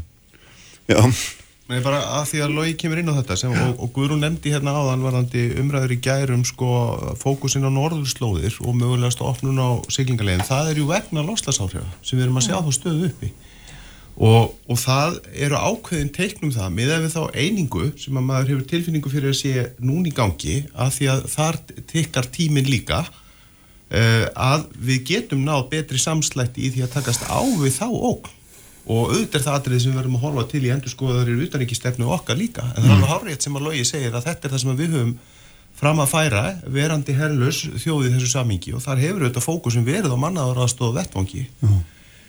og höldum því áfram Já, akkurat. En hvað finnst ykkur um, um afstöðu okkar til rúsa? Fórstræðara var hérna fyrir viku og, og þá var hún spyrðað því hvort við ættum að vísa rúsneska sendi hann á landi. Taldi það að vera alveg síðustu, það var í síðasta sem ráðist var í. Uh, sendi hér Íslands á Rúslandi var hér heima, var snöggur að koma sér aftur til Rúslands og auðvitað er það rökamenn vilja halda ykkur svona svo kvöldlega talsambandi opnu, en svo er aðri sem byggja um harkalir aðgerðir. Hvað finnst ykkur um þetta? Eigum við að ganga Mér langar nú kannski aðeins að þá að segja það vegna þess að, að eh, ég er nú til eru flokkiri og, og, og við líklega öll sem talar fyrir frelsi einstaklingsins. Og, og við erum að sjá núna alveg hræðilega hluti verið að gerast í Rúslandi þar sem er verið að berja niður alla andstöðu og ég held að það sé erfitt að átta sjá raunverulegum uh, svona stuðningi í rúsnesku þjóðarinnar við það sem er að gerast því að uh, svo verður það búið að fangelsa þúsundir manna. Uh, ég held að það sé ákveðin hræðisla við að, að bara að tjá hugs, hugsin. Og við skulum hafa það líka í huga að, að því að nú hefur rúsneski sendiherran verið gaggreindur hér á landi fyrir orð sín. En hann á vitaskuld fjölskyldu og ættinga heimafyrir og hann þarf að, að uh, tala með ákveðnum hætti til þess að, að tala inn í það stríð sem að, að e, stjórnvöldi sem að hann vinnur fyrir er að bóða. E, mér langar líka aðeins að fá að koma inn á það að ég held að sé rétt sem að Hanna sæði á þann að ég held að rúsar, ég held að þeir skilja ekki orð, mm.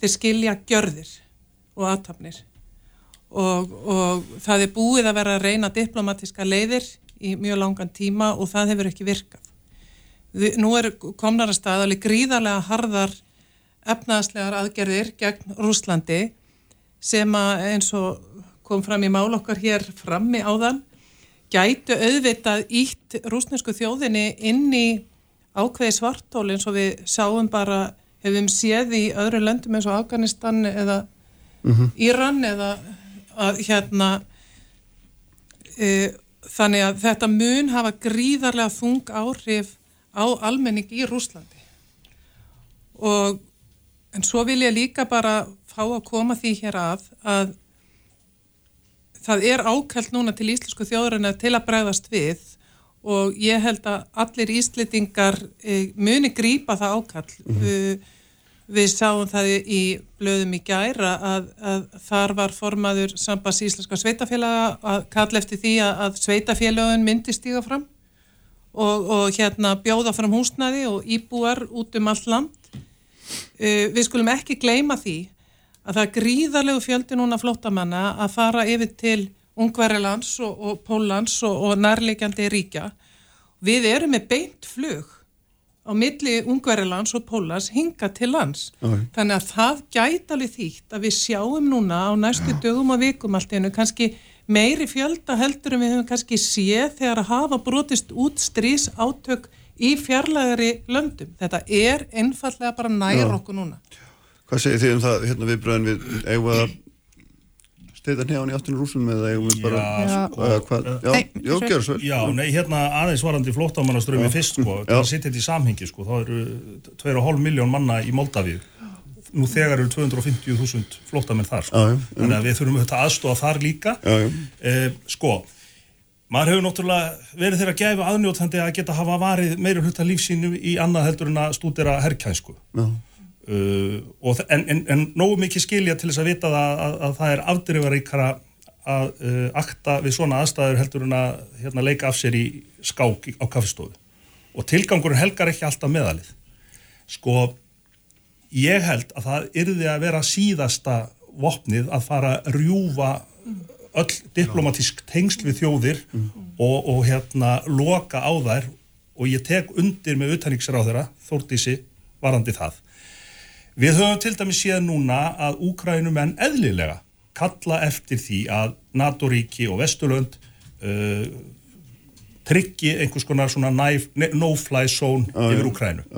Og það hljómar alveg skynsalegt að þeirra hálfu og óskæfti því. En við þurfum að vita hvað það myndi innibera. Það inniber það að við yrðum beinir þáttakandur Mm. í hernaðar átökum sem þýtti það að niðurstaðan yrði kannski hugsanlega miklu verri heldur en kannski svo góði tilgangur sem við lögum upp með. Þannig að ég, ég vil fara að valega þarna og, og, og hérna Kristi uttæriksráð þeirra í vegna blikju Anna Katrín. Já, sko ef við færum tilbaki tíma og atbyrðu rásin væri slík að, að, vesturveldin hefði bröðist harðar við upphafi trúað Pútín þegar hann leti ljóskína sínar ætlanir en ekki því sem hann sagði þá væri væntalega þessi eh, róf á diplomatiskum eh, sambandi mögulega orðið við innrásina. Við erum bara svo sein í þessu. Ég myndi gerðnan vilja sjá eftir rúsneska sendarann frá Íslandi. Um, ég átta mig hins vegar á því að, að það þarf þá að vera einmitt eh, búið að teikna upp þau áhrif sem það hefði. Um, mér finnst þau öll sein til að, ekki bara Ísland. Ég, ég átta mig ekki alveg á því hvað menn, hvað menn sjá. Eru, eru verið að býða eftir að, að Úkræna falli og er þá næsta skrif ætlaði að vera mjög snögg ef að Putin fyrir inn í Póland. Er það, er það mörkin, þólmörkin okkar? Af því ég átta mikið alveg á því hvað Ukrænumenn geta þjást mikið lengur á þess að við segjum sko hingað og ekki lengra, nú stígu við inn. Uh, og ég segi þetta náttúrulega með þeim fyrirvara ég sitt hér í frið og ró heima á Íslandi og veit náttúrulega ekki hvað er í gangi almenlega, en, en þetta lítur þannig út og aftur komum við bara að því hvað við vorum fjári segin að bregðast við og þetta við á öðrum sviðum, ég meina við, bara að vísa til dæmis í framgöngur úsandi stjórn Pútins á alþjóðlegum íþróttamótum þar sem að maður hefur séð bara nákvæmlega sem hegðun undanfærin ári eins og var, gamla sovjeti var að þar var verið að beita gríðalegu hugmynda ekki í að svindla. Þetta kemst upp núna og hvað er gert, það er ekkert gert. Skiptum fána, ég meina þetta er bara merkið þegar við lítum tilbaka, þetta er bara vandræðilegt hvað við erum búin að láta þetta viðgangast lengi.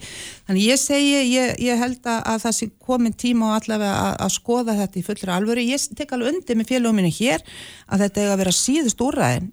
En spurningin sem er eftir, hvenar er komið að því að grípa til síðust úrræðina það, er- það er hinn aðkallandi spurning. Já, já, það er það, en, en þetta virkar náttúrulega þá líka í báðar áttir, sko, ef að við sendum, sendi herran heima, þá vantanlega verður okkar sendur heim og þá verður við að tappa enn fleiri línum á einhvers konar möguleik og samskiptum. og stofnum fólki að hættu. Og stofnum fólki í fólki hættu líka, þannig að það Mhm. þarf, en ég skil þessa kröfu, ég skil þetta ákall mjög vel, en ef maður reynir að uh, setja sig í einhvern herrkænsku mót í þessu samingi sem ég bara deili þessi skoðun og sín hérna, við erum auðvitað mjög erfitt með það. En það sem ég ætla að segja við vorum að ræða þetta svo undan, það eru auðvitað rosalegt áhyggju efni að hvernig er að sko slíkna öll þessi mögulegu tengsl við Rúsland með sko klippa og fréttaveitur og fréttastofur að senda til sín fólk vegna þess að það er liður í upplýstri umræðu.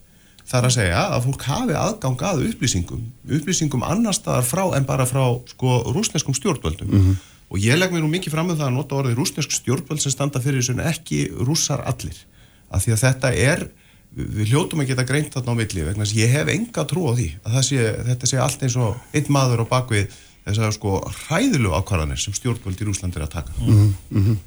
Guðrún, við þurfum að styrta mál Já, mér langaði bara aðeins að skjóta því að ég tek undir það sem hér hefur verið sagt að, að það hlýtur að vera algjör þrauta lending að ætla að slíta á öll tengsl uh, við, er, við viljum vera friðelskandi þjóð og, og, og kannski vopnið okkar er ekkert annað en orðið Mhm. og, það, að, að, að, og dip, þar með diplomatiskar leiðir og eins og Óri Páll segir hér, ef við ætlum að klippa á það algjörlega að þá erum við auðvitað búin að, að kannski koma í veg fyrir að, að þarna geti myndast eitthvað talsambandi og, og einhverja lausnir orðið til. Nákvæmlega, en þannig að við erum svona, eða þið sammála En um ég það. kannski ítrekka það, Já. ég held að Putin skil ekki orð. Ég held að skil Nei, bara þá kannski ekki til mikils að halda út í talsambandi ef að við mælindin skilur ekki. Já, ég menna auðvitað Eða hvað? sko frýr honum e, e, e, þú veist, enginn því, því að, að hérna hafa afminnslókst einhvern tímann haft vit sko, en, en hann er að verða óútreiknarlegur og hann er að verða hættulegur þannig fleiri og fleiri sérfræðingar sem hafa stúderað sjá það, það eru bara personuleika breytingar virðast vera og við þær aðstæður þá verður auðvitað allt ástandi mjög viðkvæmt. Þannig að við þurfum bara að passa okkur sko, við þurfum að uh, reyna auðvitað að ljúka þessu, við þurfum að gera það með þeim hætti þú veist að, að, að- allir komi sem best frá þessu þó þetta sé bara mismunandi útgáfa af helvíti sem að fólk gengur í gegnum. En við þurfum auðvitað að passa okkur líka að gera bara með illa yfum hætti ekki eitthvað sem að kallar ennþá mér hörmungar yfir okkur. Sama skapu sko verður við líka held ég og, og við einhverju starra samengi að gæta þess að, að, að þessar velmeinandi uh, aðgerður okkar verð ekki til þess að hann haldi Putin á að halda okkur upptegnum á einhverjum alltunum leikvellin hann er síðan að spila á og það er að drepa og myrða saklust fólk í 2000 og 100.000 miljardatali, miljónatali. Þetta er náttúrulega einn klassiska spurning, eða þessi spurning sem allir eru að velta fyrir sér, hvenar er no-no og hvar, hvar eru mörkin sko? Og hérna maður finnur ekki maður finnur ekkert gott svar við því neinstæðar. Ég hef mistu ekki séð, ekki séð það.